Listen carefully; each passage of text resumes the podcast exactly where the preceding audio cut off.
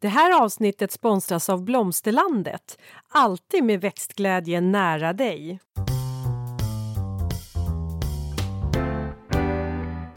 Välkommen till Ulrika och Lindas trädgårdspodd. Och det är jag som är Linda Kjellén, trädgårdsmästare. Och det är jag som är Ulrika Levin, trädgårdsdesigner. Och eh, nu känns det ju verkligen som att, eh, ja, men jobb, skola, allt är tillbaka på riktigt. Ja. Hösten är på intåg. Ja, ett tag tänkte man så här förra veckan att nej, men det kanske bara är lite, lite på låtsas. Ja, men nej, nu, nej. nej, nej, nej, det här nej. är inte låtsas, det här är verkligheten. Precis, och mm. idag kära lyssnare um, så har vi, ska vi nörda ner oss i ett ämne. Um, faktiskt om, som handlar om hur vi som trädgårdsägare kan an våra, använda våra trädgårdar för att uh, binda kol bland annat, men också att jobba lite mer klimatsmart i de val vi gör i våra trädgårdar. För så här är det ju, medvetenheten om att vi måste minska eh, våra koldioxidutsläpp, det tror jag att de flesta vet. Eh, men man kanske inte vet hur man själv kan göra just i trädgårdssammanhang. Nej, och det här gäller ju även för oss som är yrker, yrkesverksamma inom den här gröna näringen. Hur vi kan fatta rätt beslut och bidra med kunskap till våra kunder och då tänker jag också specifikt också för er som ritar trädgårdar. Mm. Så är det, för det, det är ju så, bygg och anläggningsbranschen äh, äh, släpper ju ut en hel del koldioxid. Mm. Så vi har en gäst med oss, men vi ska presentera... Ja, en kollega till ja. mig, så, men vi ska presentera henne lite senare. Mm. Linda, ja. vad har du gjort nu då i veckan? Förutom att köra traktor? Ja, förutom att köra traktor. Ja, du hörde ju av dig till mig eh, en sen kväll och tänkte att Linda gör väl som alla andra människor just nu, ligger lite så här skönt i ett halvliggande läge framför tvn. För det gjorde så, jag. Ja, jag, jag misstänkte ja. att du gjorde det. Ja. Och var så här, nu är det nog dags att stämma av lite. Jag ringer Linda. Eh, jag, så fungerar det ju inte när man bor när man är bondmora. Man bor på vischan. Ja, då är man ute och kör traktor. Och det gjorde jag för att eh, ja, men det, jag håller på nu och ah, ändrar om lite. Vi pratade om att eh, när jag ändrade om tidigare var jag ute med spade och eh, skottkärra. Nu är jag ute med traktor och eh, skopan. Så att jag kunde inte prata med dig då. Det var därför. Jag är lite trött i ögat för jag jobbade sent med traktorn i natt. Fattar. Ja. Fattar. Eh, nej men du, annars vad som har hänt sen sist, det var en extrem intensiv vecka förra veckan. Jag fattar inte, allt drog verkligen igång förra veckan. Så att i, nu är jag lite så här, Ja, men det känns lite som i, i gungfly, min, jag vet inte var min hjärna är någonstans. Den är som att den, den åker upp och ner i hela kroppen. Och, eh, ja, jag känner inte riktigt att, eh, jag måste hitta fotfästet igen tror jag. Jag tänkte säga, du har ju för sjutton precis haft semester. Det lätt, låter så här bara, åh, redan typ en vecka ja, in, två Fast kanske. vet du, jag tror snarare så här, nu när sommaren är liksom lite på, drar liksom i sista slista, så här, då går jag nog mera på semester. Alltså då lugnar det ner sig med, eh, det gör det ju för oss alla, med trädgård. Eh, det är inte så mycket nu här att eh, liksom sköta om. Det finns saker att göra men det finns inga måsten.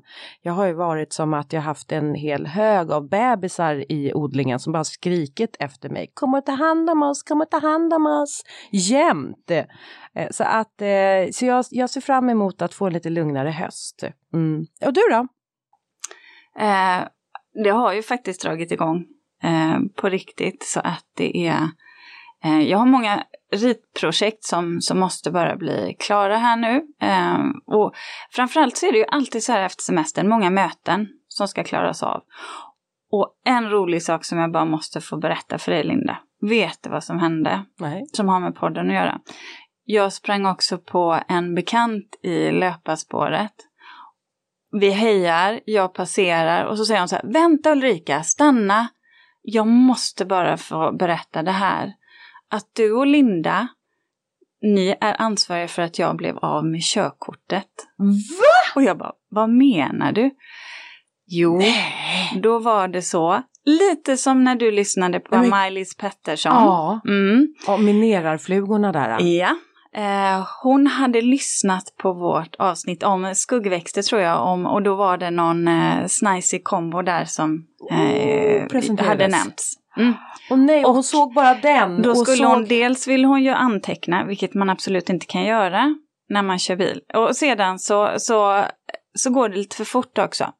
Det är Ja, sådär. det blir ju så när man blir lite glad och upp i varv. Då, då Och hon missar hastighetsskylten helt enkelt. Jag vet exakt hur det är. Ja, så hon blev stoppad. Eh, och så, så de sa det, mm, det, så att säga, det verkar inte som du var uppmärksam. nej, nej, Jo, det var hon ju, men på annat. ja. Eh, så, det, så det blev så här. Eh, de tog körkortet direkt Nej, det var då. det fräckaste. Och nu har jag frågat, får jag säga det här Jaha, i just- podden? ja, det var vill jag bara säga. Ja, bara inte säga mitt namn. Och det lovar jag ju Sandra Mm. att jag inte ska Nej. göra. Nej, nu var du busig. Ja, nu var jag busig. Det är klart hon inte Nej, heter det. det. Det var lite roligt. Så jag frågade så här, fortsatte du att lyssna på podden då? Ja, men jag fick hitta ett annat sammanhang. Uppenbarligen inte när hon kör bil längre. Ja, Så är vi, det. vi sällskapar när, när hon åker tåg och tunnelbana Ja. kanske. Mm. Ja, nej hon har fått tillbaka det nu. Men Ja. hon blev av med det i två månader. Och jag skulle inte klara mig utan mitt Nej, körkort. det var, tre, det mig... var tre timmar restid Nej, jag skulle istället inte för klara en. mig en timma utan mitt körkort. Så Åh, kan det gå. Det är farligt att lyssna på podd ibland. Ja, kan det Mm. vara. Men jag fattar, jag fattar Mm. hur det kan gå. Ja. Ja. Men du, eh. Linda, Ja. jag tänker att vi eh, fortsätter och går rakt eh, på ämnet. ja, vi ska hälsa våran gäst välkommen. Ja. För vi har nämligen dig med oss, Nina Telberg Eklund, trädgårdsdesigner och styrelsemedlem i Hållbara trädgårdsföretag. Hej. Välkommen! Så här, nu ska vi ju prata eh, om en hel del koldioxid. Vi börjar där. För så här, det finns ju för mycket koldioxid i omlopp i atmosfären. Och det är ju en växthusgas. Och jag tänker att vi börjar med det. Eh, och prata lite om vad växthusgaser är och vad kolet har för betydelse egentligen i våra trädgårdar. Ett stort ämne, så att eh, du får axla det ansvaret då Nina, för jag vet ju att du är en fe- fena på det här med också beräkningar av koldioxidutsläpp i trädgårdssammanhang. Och vad är växthusgaser? Ja, Mm. så jag tänker, hit it, som man säger.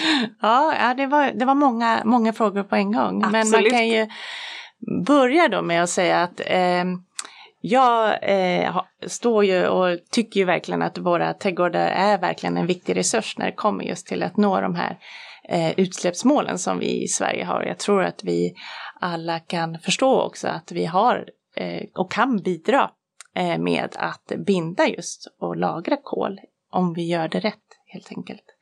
Eh, men det är ju svårt. Koldioxid är ju, det är liksom, det är ganska nytt för liksom att vi alla behöver tänka på vad man gör. Det är inte bara i trädgården utan det är allt möjligt eh, som, som händer i våra liv som vi måste eh, fundera hur vi, vad vi gör egentligen. Och det är ingen, liksom, ingen skillnad med trädgårdar. Även där måste vi koldioxidbanta.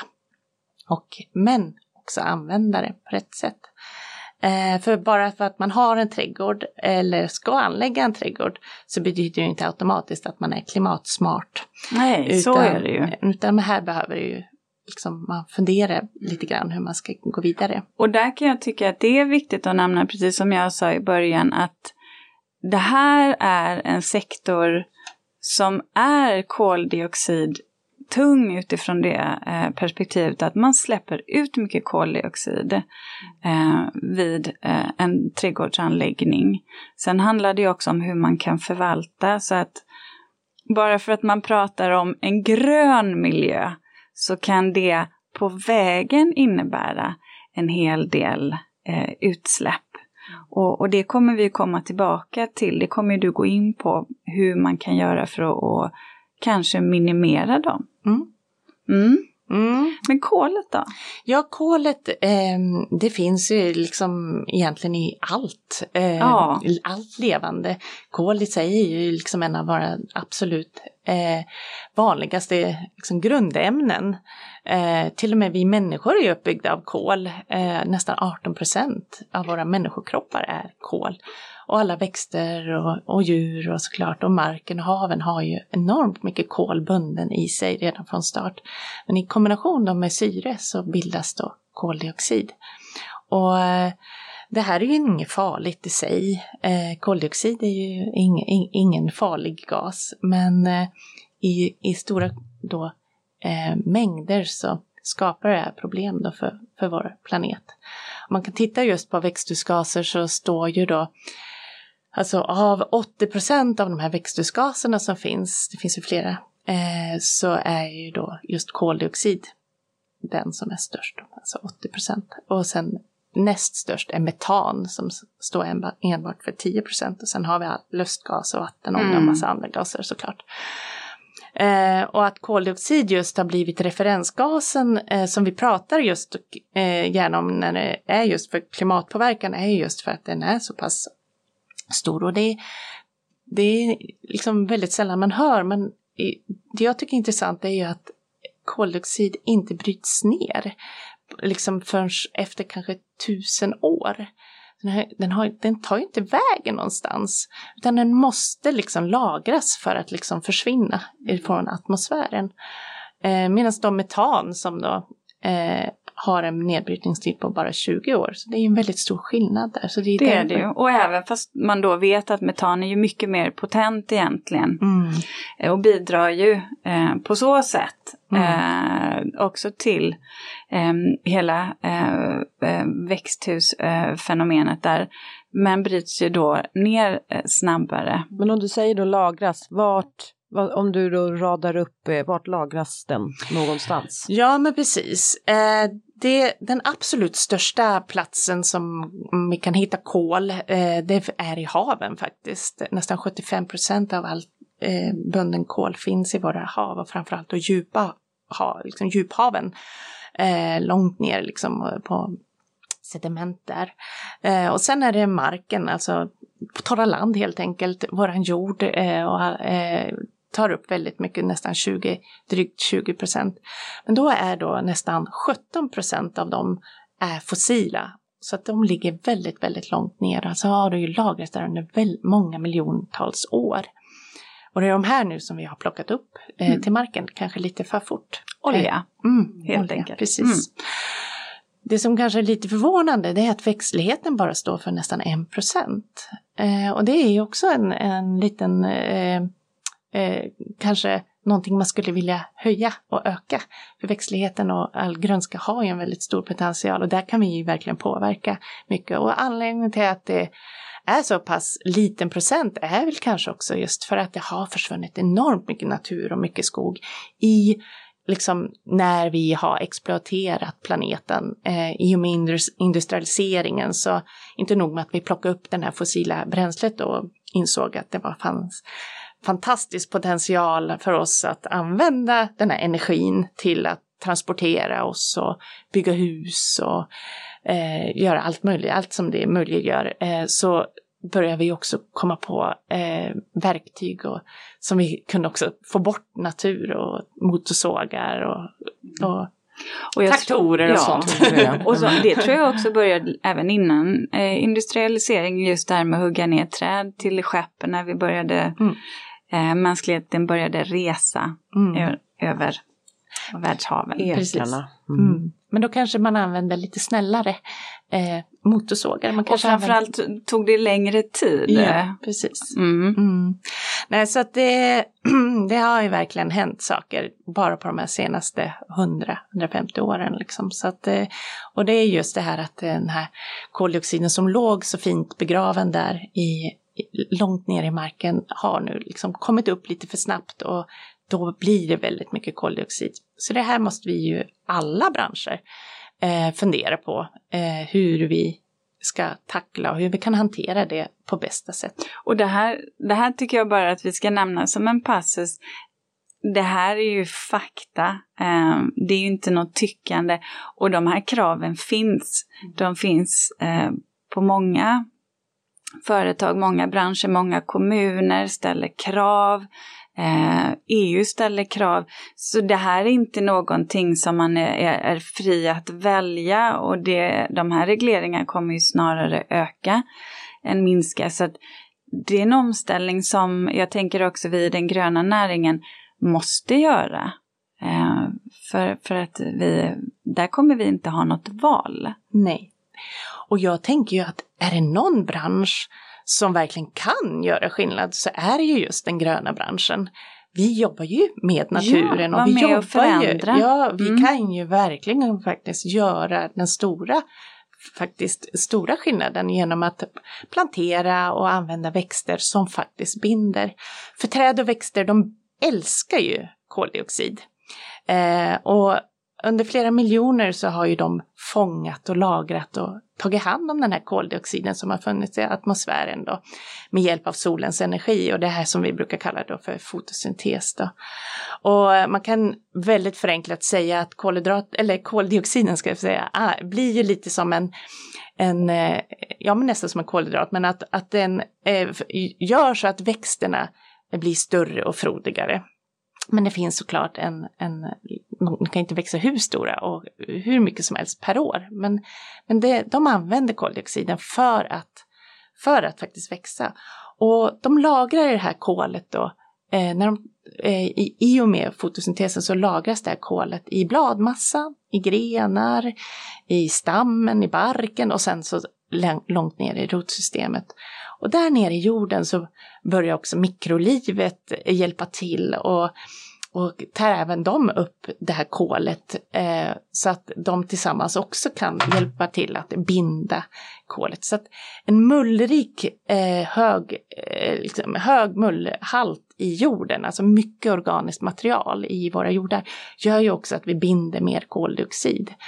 Eh, och det här är ju en fantastisk egenskap och det här, där har vi ju kanske varit lite, lite eh, liksom ovetande eh, de senaste liksom, åren med att liksom inte ta, ta vara på det här. Spara löven. Ja, men spara löven. Lägg dem i rabatten, mylla Ah, ner dem. Jag tror ju också att det handlar om att vi hela tiden har, till stor del, har tittat på det som finns ovanför mark och egentligen men ignorerat det som har funnits under. Alltså, vi, det är klart att man har pratat jord och så vidare, men jag tror att vi egentligen har pratat för lite och kanske inte alltid har haft tillgång till all forskning, alltså för gemene man, om det här fantastiska nätverket som finns under mark och, och vad det egentligen gör. Jag känner själv att jag kan så mycket mer nu jämfört med tio år sedan.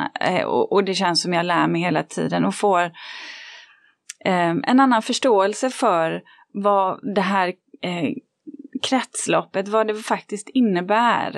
Eh, Ja. det kanske man ska komma ihåg sen man gick, i- sen man gick i grundskolan och lärde sig biologi, kemi och fysik. Men ehm, nu är ju det, det är ju det som är så fantastiskt när vi har så mycket kunskap och så många forskare som är så tillgängliga. Vi har ju haft flera med oss i podden bland annat.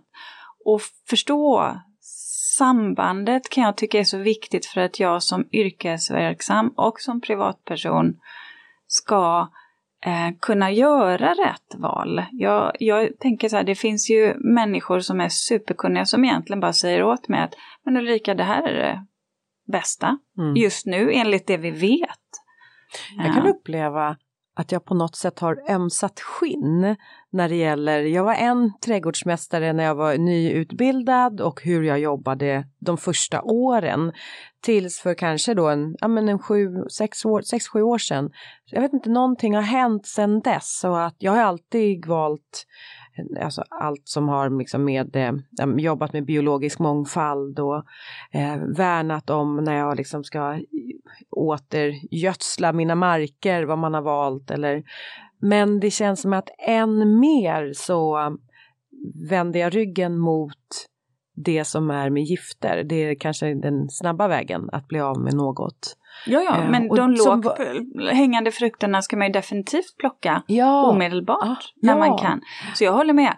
Jag tycker att det ändras hela tiden. Ehm, eller jag känner det att, det, att jag justerar och funderar. Mm. Och det är ju en process. Det är ju en process för, för de flesta av oss. Det är ju inte alltid någonting som man bara...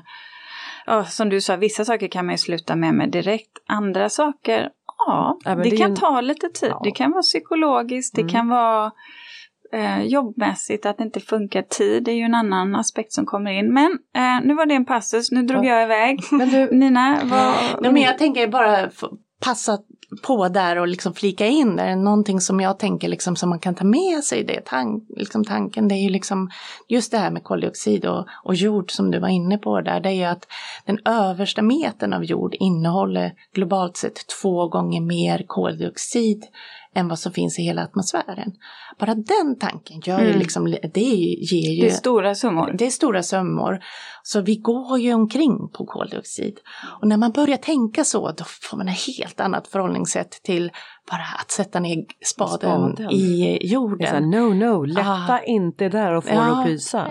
Och det, ju, det handlar ju om att sätta ett pris på det eller att se ett värde av någonting, en tjänst eller en ekosystemtjänst. Och det har vi varit sjukt kassa på Mm. i, eh, så att säga, i eh, vårt samhälle över hela världen. Mm. Eh, och det får vi ju betala konsekvenserna av nu.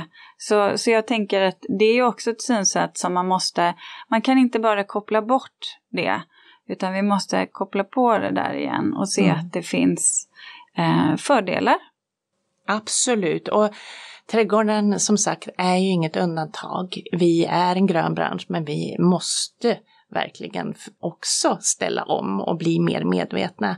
Eh, och även trädgårdsägarna. Eh, så vi behöver tänka till när vi gräver och anlägger, bygger pooler och schaktar och köper stenplattor eller möbler och verktyg och gudans måste vad vi håller på och fixar och trixar. Och det är ju fantastiskt roligt. Alla vet ju hur bra man kan må i sina trädgårdar. Men det får inte vara på bekostnad av liksom att vi släpper ut väldigt mycket också. Så att bara vi gör det rätt så får vi, får vi absolut eh, det här, men ja, när du säger gör det rätt då Nina, för det här är ju någonting som, som jag ändå känner att man kan gå och klura lite på när man kanske hör det här programmet, både som ja, trädgårdsälskare eller yrkesverksamma. Alltså, men hur vet man då? Hur vet man rätt? hur mycket man släpper ut och vad är då, för att kunna veta att Mm. man gör rätt, för då handlar det väl om ren matematik? Ja, men så är det ju faktiskt. Eh, det kanske inte är det som en vanlig trädgårdsägare eh, sätter igång och, och gör. Men som eh, trädgårdsdesigner eller trädgårdsarkitekt eller anläggare så har man absolut möjlighet att räkna på det här. Och då säger man, man pratar om att man klimatberäknar helt enkelt. Det Ah, kommer det- siffror. Det finns Nu. siffror det är ju, det är ju jättetråkigt kanske, eh, men det är, blir spännande. Nej, men det är inte tråkigt. Nej, nej, Jo. nej, nu ska vi inte vara sådana. Siffror, siffror är inte tråkigt. nej, men Ja, jag det, håller där, med. det där kan vi Ja, men nog jag tror att diskutera. man måste se Men liksom fattar. nyttan men, med siffrorna. Mm. Mm. Ett sammanhang. Det är så, lösryckt kanske inte är så himla intressant, Nej. men i ett sammanhang. Okej, berätta. Klimatberäkning. Ja, Mm. klimatberäkning. Men då, det man har gjort det är alltså det har ju, det, för det första är det väldigt svårt såklart, alltså det finns väldigt olika sätt att räkna på det här. Eh, men man har ändå någonstans hittat någon form av standardisering och det här är ju någonting som andra branscher gör och nästan har, har lag på att de måste leverera eh, vilka, och redovisa vilka utsläpp de har. Så som du nämnde tidigare så kommer ju även trädgårdsbranschen eh, förr eller senare också att eh, behöva göra det här, är jag helt övertygad om. Eh, men det man gör då, eh, det är att man tittar på en livscykelanalys. Alltså man kollar då på, om, man, om vi ska ta ett exempel som i trädgård. Eh, här, vi behöver material till våra trädgårdar. Vi kanske behöver en stenläggning eller någonting. Då kan man då titta på den här stenen, en, en specifik sten, eh, utsläpp utifrån då hur den är producerad. Då tittar man på vilken råvara som krävs. Är det en natursten som man bara sågar ut från ett berg? Eller är det en, en, en sten som måste tillverkas? Alltså man sätter ihop massa olika ingredienser och bakar ihop den här stenen. Eller eh, ja, det kan finnas. Och då tittar man hur mycket utsläpp eh, genererar den. Sen tittar man också vad själva fabriken också genererar för utsläpp och sen transporteras ju den vidare sen till kanske en butik där den säljs vidare till en kund eller direkt till en kund. Det är lite olika. Sen kollar man också eh, på anläggningen. Vad kräver den här stenen för typ av anläggning? Eh, behöver jag kanske eh, bygga upp det här, eh, den här trädgården med eh, någon form av bärlager eller måste jag gjuta en, en stor eh, liksom, fundament för att jag ska eh, liksom kunna lägga den här stenen. Eh, det släpper ju också ut enormt stora utsläpp. Och sen så efter det när den väl är på plats så tittar man också på hur, hur mycket behöver jag underhålla den här stenen. Eh, behöver jag impregnera den eller behöver jag göra någonting? Hur, vad är skötseln helt enkelt? Kanske den kommer att gå sönder efter några år och jag behöver byta ut stenarna. Och slutligen så någon gång så kommer ju eh, även det här materialet att nå sin eh, vägsände och eh, måste sluthanteras på något sätt. I de absolut bästa världarna så kan ju den återbrukas och hamna kanske i en annan trädgård eller användas på något annat sätt. Eh, I värsta fall så måste den kanske brännas upp eller eh, krossas eller någonting, eller i varje fall eh, återvinnas i någon annan form. Men då kommer det också i sig, den, det maskineriet som sätts igång där, behöver ju också man se på utsläppen. Så totalt sett så får man ju en fullständig bild av den här stenens påverkan. Om, som trädgårdsdesigner då, då kan jag ju titta på de här, kan jag välja, liksom, kan jag ha ett, ett antal stenar och så kan jag då se eh, vilken av de här stenarna som, som egentligen har minst utsläpp eller mest då, om man säger så. Och sen kan jag då utifrån det ta ett beslut. Så det behöver inte bara vara de här estetiska eh, aspekterna eller, eh, eller funktionella aspekterna som faktiskt blir de avgörande, utan det kan också vara eh, det klimatavtrycket då för den här stenen. Men då, då blir det det här, eh, ser du alltid så att säga, finns det alltid en miljö varudeklaration till alla produkter i, eh, som vi använder i våra trädgårdar, en så kallad EDP. Eh, EPD. EPD, mm. precis. Environmental Product Declaration som det så fint heter på engelska. Nej, tyvärr. Vi, är, vi ligger fortfarande lite efter. Alltså det, jag skulle säga att ju fler som efterfrågar sådana eh, dokument, desto snabbare kommer det gå. Eh, men nej, det finns inte överallt. Men däremot så finns det generella siffror eh, som bland annat Boverket eh, har tagit mm. fram. Så man kan åtminstone skapa sig en, en, uppfattning. Men det absolut bästa det är om man kan verkligen titta på respektive leverantörs eh, underlag. För då får man, eh, för det kan, stor, det kan vara en ganska stor skillnad på hur en betongsten produceras och vad beroende på leverantör. För det beror ju också lite grann på vart den produceras. Eh, vi kan titta på just, eh, det är väldigt ofta som eh, vi importerar väldigt mycket sten. Eh, och det, det är någonting som jag tror normalt sett inte så många reflekterar över. Man tänker liksom sten som sten, det är en naturprodukt. Men om den då kommer ända från Kina så har den en ganska hög eh, utsläpp kopplat till sig. Mm. Här kan jag också tycka att det finns en, en aspekt att också beakta och det är ju en rättviseaspekt eh, och vilka, under vilka arbetsförhållanden eh, som eh, de här produkterna tas fram. Eh, därav kan jag också eh, förorda eh, svensk sten. Mm. Men för ni båda två är ju trädgårdsdesigners och ni ritar trädgårdar till kunder hur pass medvetna är kunderna och vad efterfrågar de? Får ni smyga in era klimatberäkningar eller har ni en öppen dialog med dem eller efterfrågar de det? V vad? Jag kan säga att det är väldigt olika men eh, jag har smugit in dem. Eh, Mer, eh, på, på liksom, om man tittar på lång sikt, eller liksom under en period så här. Men nu, numera är jag öppen klimatberäknare. Jo men du har ja. den liksom, mm. titeln också. Så ja att du, men precis, och jag de... vet att jag kan i varje fall stå bakom det. Det har varit, det har varit svårt att förstå liksom, siffror och så. Men nu börjar jag hänga, liksom, fatta hur det hänger ihop.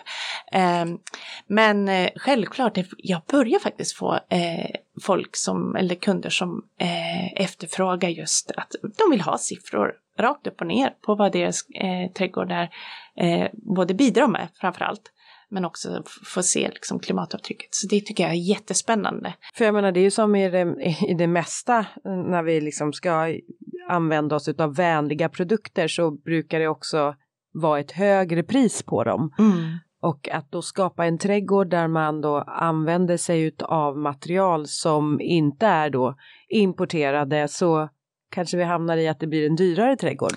Inte vanligt. Ja, jag skulle tänka kanske att det också kan precis vara tvärtom. Oj! Ja.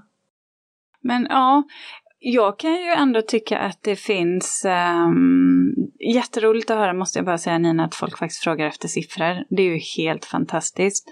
Uh, jag kan väl också uppleva att uh, jag får absolut fler fler och fler eh, kunder som också efterfrågar just sådana här saker som att jobba med växtligheten på ett annat sätt. Att man tänker att man ska binda kolet där och framförallt biodiversiteten. Ehm, men ibland är det motsättningar, definitivt. Eh, det finns ju saker som, som kan vara svåra att tillgodose i en trädgård. Jag ritar ju ofta just det här, som du säger Nina, att man smyger Alltså, för mig är det så självklart att man har det här tänket i sig. Det är inte så att man hela tiden, att jag i varje eh, process, eh, beslutsprocess som jag har eh, nämner det för min kund, men jag tänker ändå på det. Att ha stora gröna ytor, minimera de grå, att inte göra dem för stora, för det också blir vackert. Det handlar inte bara om att det bidrar utan för att det är snyggt och för att det är bra för sinnet, det är bra för själen. Eh, men det jag kan tycka är, eh, eller det som kan vara en utmaning ibland, eh, upplever jag, det är ju just det här när vi kommer till eh, kostnader. Att det här är ju någonting som är vi som designers kan rita någonting och sedan så är det ju en process där också ett anläggningsföretag kommer in. Och då kommer vi tillbaka till det här med eh, tid. Linda, visst är vi stolta över att ha en sponsor till dagens avsnitt? Ja, och det är Blomsterlandet. En trädgårdsbutik nära dig med butiker över hela landet och en e-handel som är öppen dygnet runt. Välkommen! Eh, det ska oftast göras så fort som möjligt, vilket gör att det är väldigt lätt att köra sönder jorden. Eh, att gräva eller att påföra ny jord istället för att försöka blanda upp befintlig jord. Man kör sönder stora partier.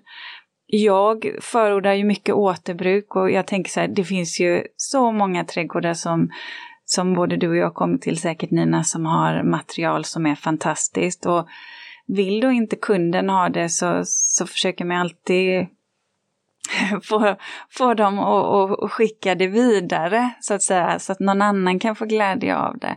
Men där kan jag tycka att, att det, det blir det blir, där kan jag tycka att även om inte, som du sa, att det behöver inte betyda att eh, en dyrare sten till exempel blir, ja, eller att det totalt sett blir dyrare, men, men just det tiden där.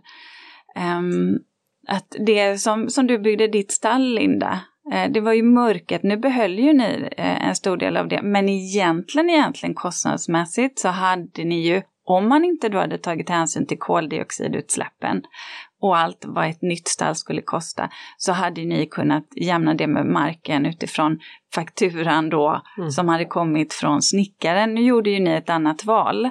Och det är väl det att man hela tiden ensidigt ser bara på tid utifrån det perspektivet och inte vad det innebär. Det kan jag väl känna kanske är, är um, en målkonflikt eh, som ja, påverkar? Ja, det, det, är absolut eh, utmaningen och just också att vi är väldigt många kanske, alltså som designers så sitter vi som sagt på ritningarna men sen ska det ju göras av kanske någon annan i slutändan och kanske flera. Eh, eh, både hantverkare och anläggare och det, och det kan liksom vara någonting som också pågår under flera år. Då har man ju mm. inte liksom så här, det, det är lätt att det att det glider iväg och kanske inte blir så där klimatsmart som man hade tänkt från början. Eh, och, eller att man inte har samma kunskap om vart eh, koldioxidutsläppen sitter. Så där har vi den absolut största utmaningen också tänker jag. Men mm. som trädgårdsdesigner så kan vi absolut börja med att göra rätt och liksom välja de bra, bra grundstomme att göra liksom. Men sen handlar det så otroligt mycket om att informera, Informera, ja. inspirera och liksom verkligen öka kunskapen om det Ja. här. Och då behöver vi också inspirera och informera framförallt våra kunder. För om inte de förstår, eh, då blir det svårt när de ställs inför dilemman, när de har anläggare kanske på, som säger en sak och så, så kommer vi och säger en, en annan sak. Vem, vem ska man lita på? Om de drar då till eh, billighetskortet och säger att det här är billigast, då blir det ju tyvärr oftast kanske också det som släpper ut mest. Så att frågan är vem som ska betala det här priset. Men egentligen. du, eh, svarta fåret då i trädgårdssammanhang, finns det någonting som bidrar extra mycket till utsläppen? Ja, men det är ju hårda material, absolut. Eh, det brukar man säga, liksom, de, alla hårdgjorda material, mer eller mindre, är ju de som står för mest utsläpp i liksom, våra trädgårdar. Och det är ju för att vi behöver, vi är människor, vi behöver funktionsytor. Vi kan inte sitta i liksom, lutande ställning. Eh, och vi behöver... Helst inte. Helst inte i varje fall. Men eh, till skillnad från andra djur Ja. som kan lägga sig liksom hur som helst Som har fyra ben när Ja, vi precis. två. Det är Ja. jättestor skillnad där. precis. säga. Men och vi behöver handikappanpassade eh, ytor. Eh, Ja, vi har saker. ju också en del, återigen, vi är också en del av livet här på planeten. Ja, så att jag, och vi lever i urbana städer. mm. Ehm, så att jag håller med. Mm. Vi ju- behöver hårdgjort, men det- vi kan det- ändå nej. minska dem som, jag tror att de senaste tio åren så har vi haft en jäkla trend på att vi ska ha så stort och allting ska vara så himla bombastiskt. Det är jättemånga ytor som bara är döytor som ingen Ja. använder. Det står liksom en toffel där liksom Ja, på sin precis, höjd. Alltså, vad ska, precis. varför då? Ja, och här, här får jag bara säga en passus, för det här tycker jag är viktigt också utifrån från vårt perspektiv som designers. Det här handlar ju om att vi har ett förändrat klimat med mer nederbörd. Vissa områden är oerhört utsatta. Hårdgjorda ytor där vatten inte kan rinna undan utan bara står eller där de får fart ner i dagvattenhantering som inte klarar de här stora regnen som bara är anpassade för kanske tio års regn och knappt det ibland. Um, alltså det jag tänker ur ett ekonomiskt perspektiv att, att vi också som designers och nu är jag inte tekniskt kunnig på det här, så att, men det jag menar är att man behöver också tänka på de här sakerna för husen, alltså hus och trädgård, det är ju, det är ju bland den största invester investeringen de flesta av oss gör. Så att, att se till att sådana saker funkar och inte ha för mycket stora hårdgjorda ytor utan att under den gröna perioden ha växter som kan också suga vatten. Det är jätteviktigt och det här kommer ha en mycket, mycket större påverkan framgent än vad det har haft historiskt sett. Men du, eh, du pratar om hårdgjorda ytor och nu säger du vatten. Hur är det med poolen? Mm, den ska vi väl kanske kalla också för, den går väl under det där f- svarta fåret Okej. i våra trädgårdar också. Och det gör ju mycket med att vi behöver oftast gräva ut eller springa bort väldigt stora ytor. Eh, vi påverkar, alltså bara den liksom det själva bygget av att, att bygga den här eh, poolen gör ju att, att, att det blir ett väldigt stort klimatavtryck. Och sen har vi ju vattnet då som vi fyller våra pooler med som också i sig eh, bidrar till, till det hela. Så att det är det, Naturpooler? Naturpooler absolut eh, bättre. Om man tittar rent men naturpool kan man ju bygga på väldigt många olika sätt. Man kan ju bygga en naturpool på, exakt likadant sätt som en vanlig pool.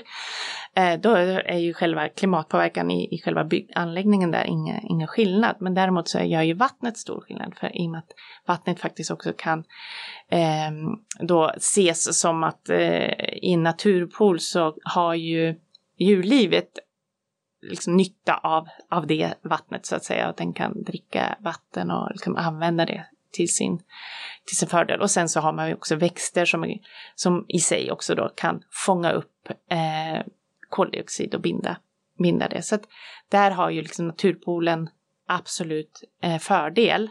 Och särskilt också om man då kanske mer snarare jobbar med damm. Eh, liknande pool så behöver man absolut inte lika mycket liksom, konstruktion i liksom. Behöver inte samma djup kanske heller? Nej, som om du ska ja, ha en på viss, och dyka i. men inte hela, det är, det är en helt annan, Mm. liksom ett annat sätt att, att, Förlåt, nu såg jag framför mig, tänkte du att man skulle ha typ en grundpool där man kan ligga så här, flyta på ytan eller vad det var? För då känner jag att, oh, den dammen vet i fasen Linda, eller poolen, om jag skulle krypa ner i bland grodor. Det är jättemysigt. Djupa vatten, det är farligt. Ja, Ja, precis. läskigt. Verkligen. Men så här, Mm. ibland då, där måste jag säga, eh, bara när vi fnissar lite så här, jag har ju ritat otroligt många pooler och det är ju många kunder som efterfrågar och ibland eh, så, så tror jag i varje fall när jag pratar med mina kompisar, de som de kan bli så här alldeles matta och bara någonstans säga så här, ja men vad ska vi göra då? Ska vi, ska vi, ska vi alla flytta ut i, ut i obygden och bygga ett tält och leva på, på blåbär Blåbär. och lingon så här? Eh, nej, men det handlar ju bara om att så att säga veta vad man gör. Jag menar, jag gissar att du också ritar poolen Nina, men man måste vara medveten och är man då så att säga, känner man att det skaver, ja men då kanske man avstår om man så att säga eh, tycker att det är en viktig aspekt i Ja, men precis. man gör. Och då kan, men man kan använda just då växtlighet som du är inne på där. Mm. Att, att det är det som, alltså, om, om det är väldigt viktigt att man har en, en stor funktionsyta, ja men då kanske man då kan hitta ett sätt att få in fler träd, eh, fler växter och buskar och kanske till och med jobba liksom horisontellt, eh, liksom väggar och tak, liksom att verkligen maximera grönskan Mm. istället då. För då vet man ju att, eh, att vi får pluspoäng. Och vi, de här negativa utsläppen då som den här funktionsytan kanske står för, eller poolen då, eh, åtminstone att vi balanserar upp det på ett, ett bra sätt. Men så länge man inte har den dialogen och förståelsen så, så, så, så kan det ju lätt bli då att man ah, växter, det, är- det är jobbigt och nej, vi tar bara gräsmatta eller vi, vi, vi kör bara grus här. Alltså, men, då, då är det ju lätt att man, att man tappar lite grann eh, fokuset här eh, och, och, och för, liksom inte ser det här kretsloppet och, och ekosystemtjänsterna som, som man ändå, som jag i varje fall tycker är väldigt viktiga att man får in. Får jag fråga, hur jobbar du i din egen trädgård?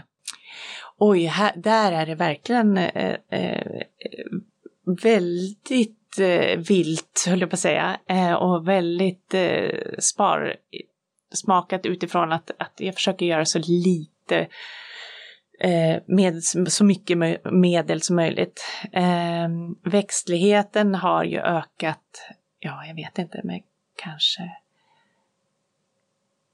500 procent? Nej, jag vet inte, Och Du hade mer. bara en gräsmatt, för du är, Ja, ny, bara eller, en gräsmatta. Mm. du är relativt ny i trädgården, Ja. i tre år. Tre år. Mm. Alltså i min nyaste trädgård, som, eller senaste trädgård som jag har som vi bor i. Ja men precis, jag börjar från gräsmatta men nu är ju halva trädgården bara nästan växtlighet eller ängsmatta. Eh, så, eh, vilket gör då också att vi minimerar gräsklippning. Eh, det blir mindre ytor att klippa gräs och vilket också gör då att det eh, blir också ett rikare eh, djurliv.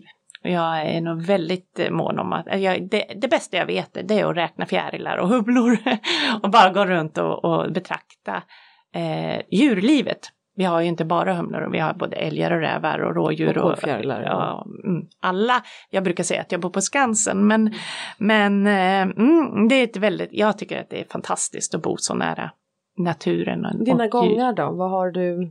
Där har vi i stort sett bara grus, eller vi har bara grusgångar. Eller, eh, eller trampstenar. Mm. Och det är återigen för att eh, återkomma till det som Ulrika pratade om, att, att det här med eh, vattenavrinningen också. Eh, att har man sådana eh, genomsläppliga material eh, så, har, så är det absolut fördel. För då har vattnet någonstans, det försvinner direkt. Det blir inga, inga pölar som ligger, eh, utan det är liksom marken under som tar upp det direkt. Och det gäller även mina stenytor. Då. Jag har ju såklart en stenaltan, eh, men den är gjord i stenmjöl. Mm. Så allt vatten Precis. går rakt ner eh, in under en under Bara sten. stenmjöl? Ja, man Mm. lägger dem i stenmjöl. Krossstenmjöl. Ja. Mm, Och det, Inte betong. nu kanske jag sticker... ligger, Ja, eller? alltså precis. Skiffer Ja. som ligger i... i, i. Eh, och det är lite som mina smågatstensgångar. Vi har ju också lagt det i eh, stenmjöl, vilket gör att eh, det kommer en hel del ogräs. Eh, men jag har valt, och kan också säga till mina kunder, nu kanske det är några som blir sura över det här, men eh, att, att inte ha hårdgjord fog. Eh, för jag kan tycka att då kan inte vattnet sippra ner någonstans. Eh, Utan nu har de i alla fall en möjlighet att komma ner och så är det lite ogräsrensning och ibland så får det faktiskt bara se ut som det gör. Ehm, det är ingen som har dött av det. Eh, så, att jag, så tänker jag. Eh, just det där med vatten just, och de skador som det kan orsaka på, Eh, på hus. Eh, ja, det är problematiskt. Eh, det är verkligen det. Men någonting som, som kan vara en utmaning just det här med växtligheten det är ju också faktiskt att ehm, att vi, eh, när man lever i en urban miljö så är ju det, framförallt i storstadsområdena så är det ju så att vi gör ju, eh, vi förtätar ju hela tiden, det gör ju att tomterna inte är så stora och så pratar man ju om att man kanske då ska ha 80% gröna ytor, 20 hårdgjorda ytor max som riktlinjer där. Det är inte alltid så himla lätt att få till för att någonstans så ska du ha din bil, du kanske du behöver ha gångar. Bor man i ett klimat där du inte får snö utan där det är ganska geggigt hela tiden, det är, det är svårt att inte ha en hårdgjord yta känner jag funktionsmässigt. Det finns ju estetiska principer också som, som jag tycker är viktiga också. Nu känner jag och hoppas och försöker alltid jobba så att det ska kunna gå att kombinera där. Det ena ska inte förta det andra så att säga. Eh, det, jag känner att det är väl en del av mitt jobb. Att faktiskt kunna bidra med det. Som ska kunna det här. Eh, men det är inte alltid enkelt. Jag vet att vissa kommuner börjar ju har ju också eh, regler kring hur bred ska en uppfart vara och så här, man försöker prata om, det vet jag när jag har gjort bygglovsritningar, vad ska ytvattnet ta vägen? Hur ska du lösa det och så där. Så att det finns ju hela tiden frågeställningar eh, att ta hänsyn till när det gäller det här. För det är en utmaning, upplever jag, eh, när man har eh, lite större, alltså när man har mindre tomter. Verkligen. Ja, men det är det verkligen. Och det, det är inte alltid att man kan applicera de här 80-20-regeln på, på, på alla tomter Nej. och alla, alla liksom, hos Men alla Nina, kunder. vad, vad skulle Mm. du säga att när du har en sån liten tomt då? Om vi säger att vi har en liten tomt där du kanske inte riktigt når upp till det här. Vad är det som du säger att, men gör det här? Vad, om det finns någonting är det att sätta ett stort träd, vilket kanske inte heller är möjligt med tanke på att man kanske vill ha lite sol och kanske inte vill bli osams med grannarna. Men finns det någonting som du tänker så här att, ja, fasen, då skulle jag, det är det första jag skulle rekommendera en kund när du har den här ytan, det är de här, eller ta dina topp tre då om, om en sak blir för svår att välja. Mm. Bara sådär rent generellt nu. Pratar vi att vi den från, helt från start? Eh, eh, eller om vi säger Vi kan så, man ta har- både och? Ja men precis, har man en befintlig trädgård då, då tycker jag att då ska man försöka behålla eh, den struktur som redan finns. Alltså se eh, strukturen, bara eh, egentligen justera där man verkligen behöver.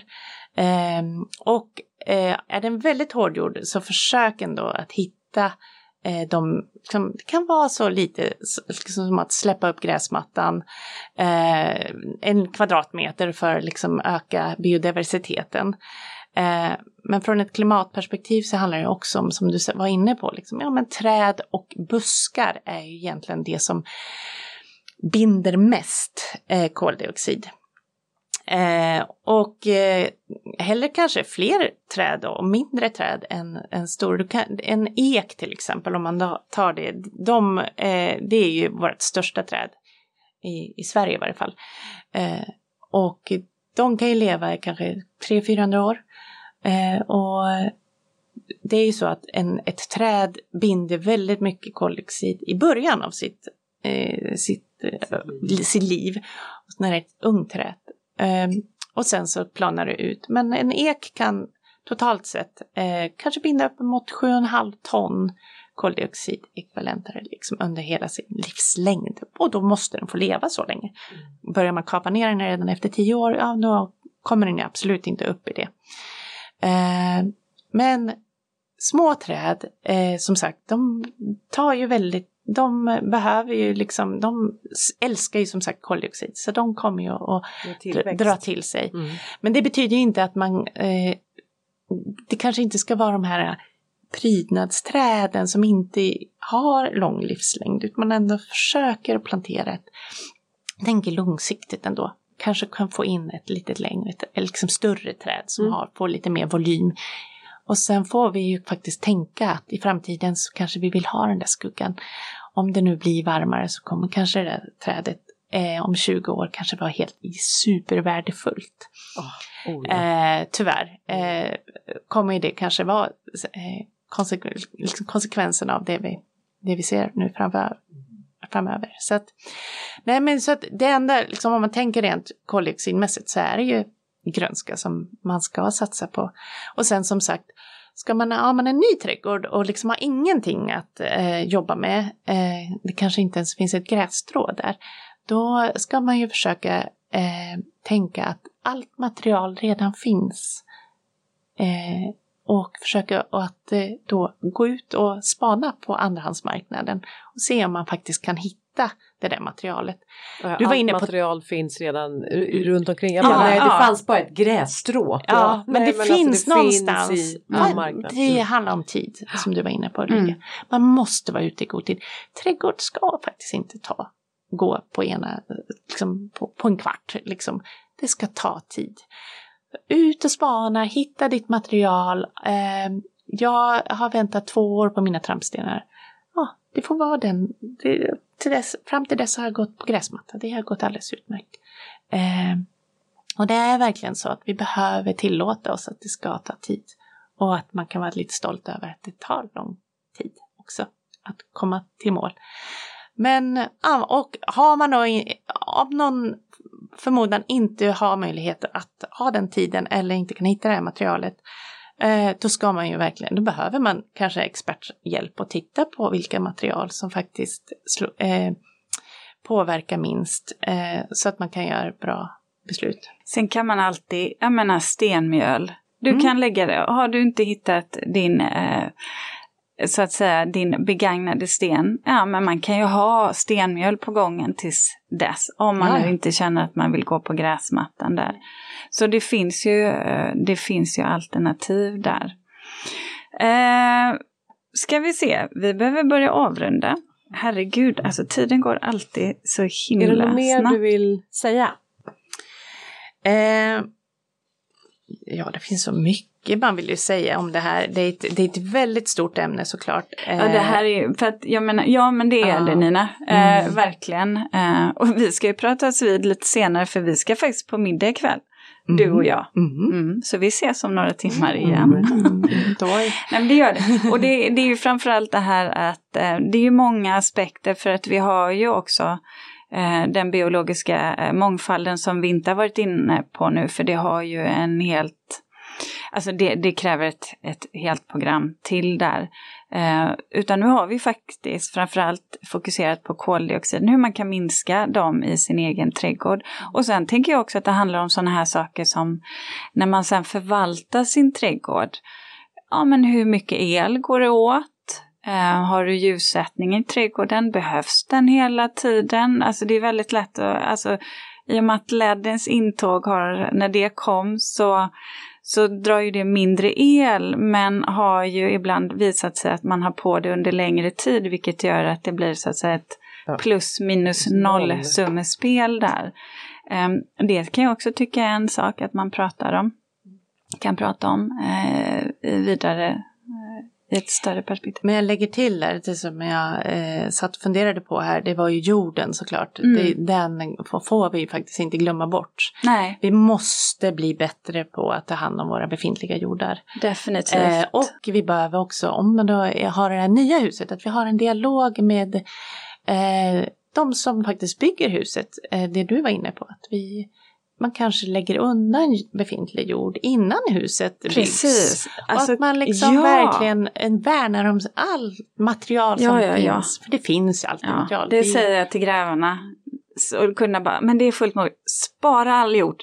Mm.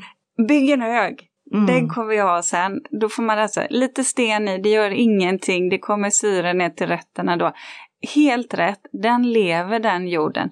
Och sen så hoppas jag, jag hoppas eh, att det blir lite eh, andra regelverk på hur man bygger upp nya hus, alltså massor.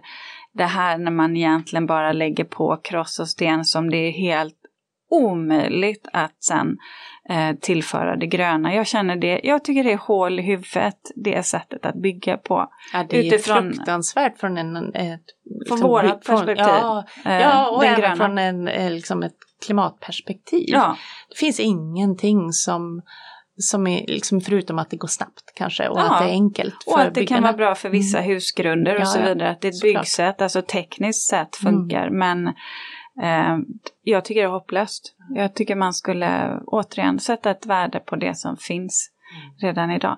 Men Nina, eh, som alltid väldigt, väldigt intressant att lyssna på dig. Eh, Stort tack för att du har kommit hit. Eh, Jag ska också säga till, era, eh, till er lyssnare att om ni vill ha mer av Nina så har du ett jättefint Instakonto. Instakonto. Nu ser du Ja. Linda, nu börjar det. Instakonto.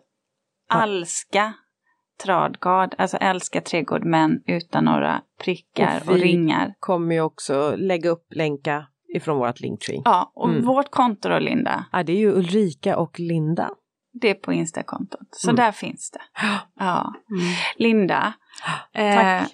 Tack Nina. Tack, Ja. tack snälla. reflektionen här nu. Känns det som att, nu får du prata länge för nu känns det som att Nina och jag har suttit Ja och men det bubblat här hela har liksom tiden. varit ert ämne, ni är ju trädgårdsdesigners, jag Ja. är ju trädgårdsmästaren. Så jag att känner så här att jag har bara Ja. haft fokus på Ja, Nina ja, ja, helt- Jag har faktiskt knappt tittat på dig, det är Nej. hemskt att säga. Ja, ja men det, gästerna ska få allt. eh, jag har bara suttit och nickat. Ja, Ja. Nina.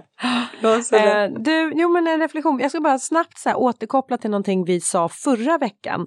Det, då nämligen började vi att berätta om att vi kommer ha en weekend uppe i eh, Tällberg, en trädgårdsweekend. Och det är, nu får du komma ihåg här, 21 till 23 oktober va? Var det inte 20 Nej. till 22? Det var, det var det här med siffror, okej. 20 till 22 oktober. Då ska vi ha en trädgårdsweekend uppe i Tällberg och där kommer vi dela upp det här på två dagar. Du Ulrika kommer köra en designdag och jag kommer köra en eh, alltså odlingsdag kan man väl säga. Och är ni intresserade, gå in på vårat Linktree, där finns det länk också till Villa Långbergs där weekend kommer vara. Och så kan ni boka er plats därifrån. Det var så många som hörde av sig så att eh, in på vårt Linktree. Ordet sprids. ordet sprids Ja. och sprid det. Ja, ja. Det är folk som redan har bokat. Det Ja. ska bli så roligt. Det är Mm. faktiskt första gången som, visst är det första gången vi gör någonting sånt här, alltså en hel weekend ihop. Ja. Det har vi inte gjort. Vi har Nej, pratat om det så många föreläst Har vi gånger. gjort och pratat om det har vi gjort, ja men det har inte blivit utav. Men nu Nej. ska vi, och det är så roligt när vi också har så många lyssnare, att också faktiskt, eh, alltså kom, alltså kom dit och häng med oss som också en Ni kan få Podd. springa backa med mig Ah. om det är någon som vill ta med er löparskorna. Eller så kan vi köra yoga. yoga. Ja. Det tror jag Ja. på. Ni får välja. Ja. Vi skiter i nakenbadet den här gången. Eh, ja Ulrika, det skiter jag alltid det är du som har någonting. Du, reflektion då? Ja, ska Ja. du köra Ja, den men jag då? kan köra en kort re- reflektion. Nej men så här, ehm, jag eh, har ju odlat en eh, äng i år. Och eh, det hände ju inte så mycket på den där ängen eftersom det var så himmelens eh, torrt i början av sommaren. Så jag tänkte att ingenting kommer börja växa. Men jo då, är det någonting som vi alltid vet växer så är det ju liksom, ja men de där överlevarna, det vill säga ogräs. Och jag har vansinnigt mycket gråbo. Men nu har ju, eh, sådär, så det började ju växa men jag tänkte bättre med något grönt än inget grönt alls. Eh, för det hör ju också ihop lite till dagens ämne, täckjorden, eh, marktäckning. Men nu har ju det dragit igång ordentligt efter att det har regnat. Så att det är ju så grönt och allt står så mycket knopp. Men det är bara det att den här gråbon, den har ju liksom, ja men det är så stora plantor som träd är det. Så att jag har varit ute nu och rensat och rensat och ryckt och ryckt och jag blir som manisk. Det går liksom inte, jag kan inte, jag kan inte stoppa. Jag bara, där är en till, där är en till, där är en till. Ja. Och jag bara mörsar mig fram. Och det är så här, och då började jag fundera på, men gud, det här är lite som när jag ligger på kvällen och scrollar bland sociala medier. Eller jag går in på någon så här reels och ser så här roliga klipp. Jag kan inte sluta, jag bara fortsätter och fortsätter och fortsätter.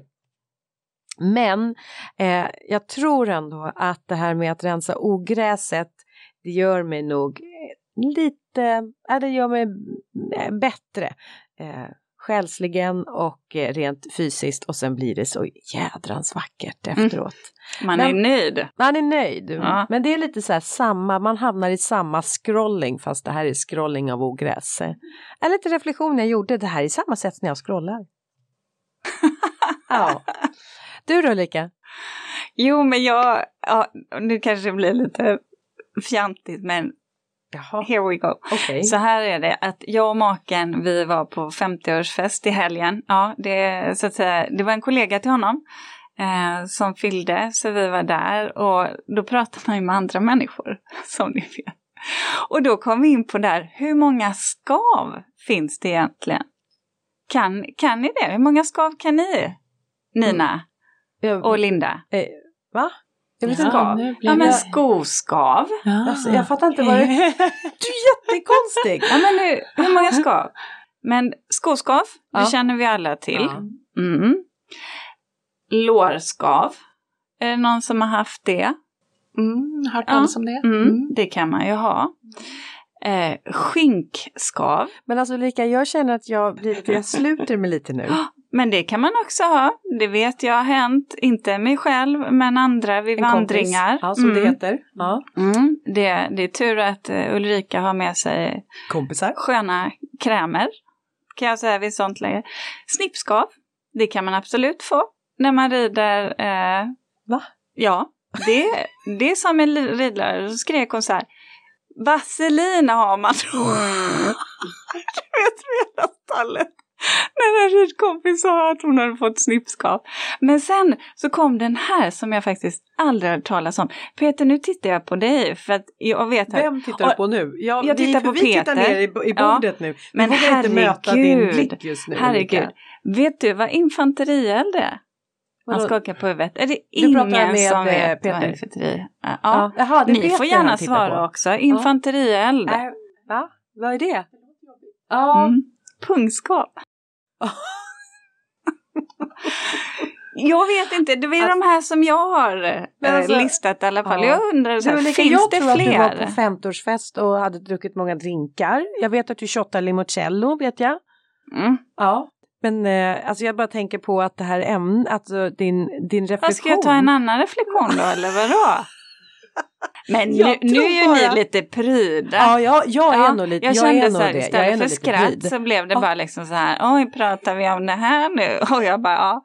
Det var skillnad på, på det här kalaset, då kunde vi prata om det här i alla fall. Det blev inte alls lika roligt i podden uppenbarligen. Jo, kolla Peter där ja, borta. Peter, han men skrattar han så han gråter. Ja. ja. Men han är ju den mer Så här, du tog oss på sängen kan man säga Ulrika. Saknades en limoncello här. Ja, det saknades en limoncello här, exakt så.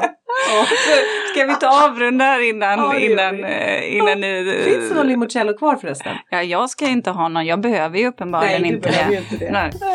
Ha, hörni, tack för att ni har lyssnat den här gången och så hörs vi igen om en vecka. Det gör ha det bra. Hej då! Hej då! Ja, herregud. Kan du några fler skav då Peter? Jag har inte hört talas om det. Ja, men jag vet inte. Jag har inte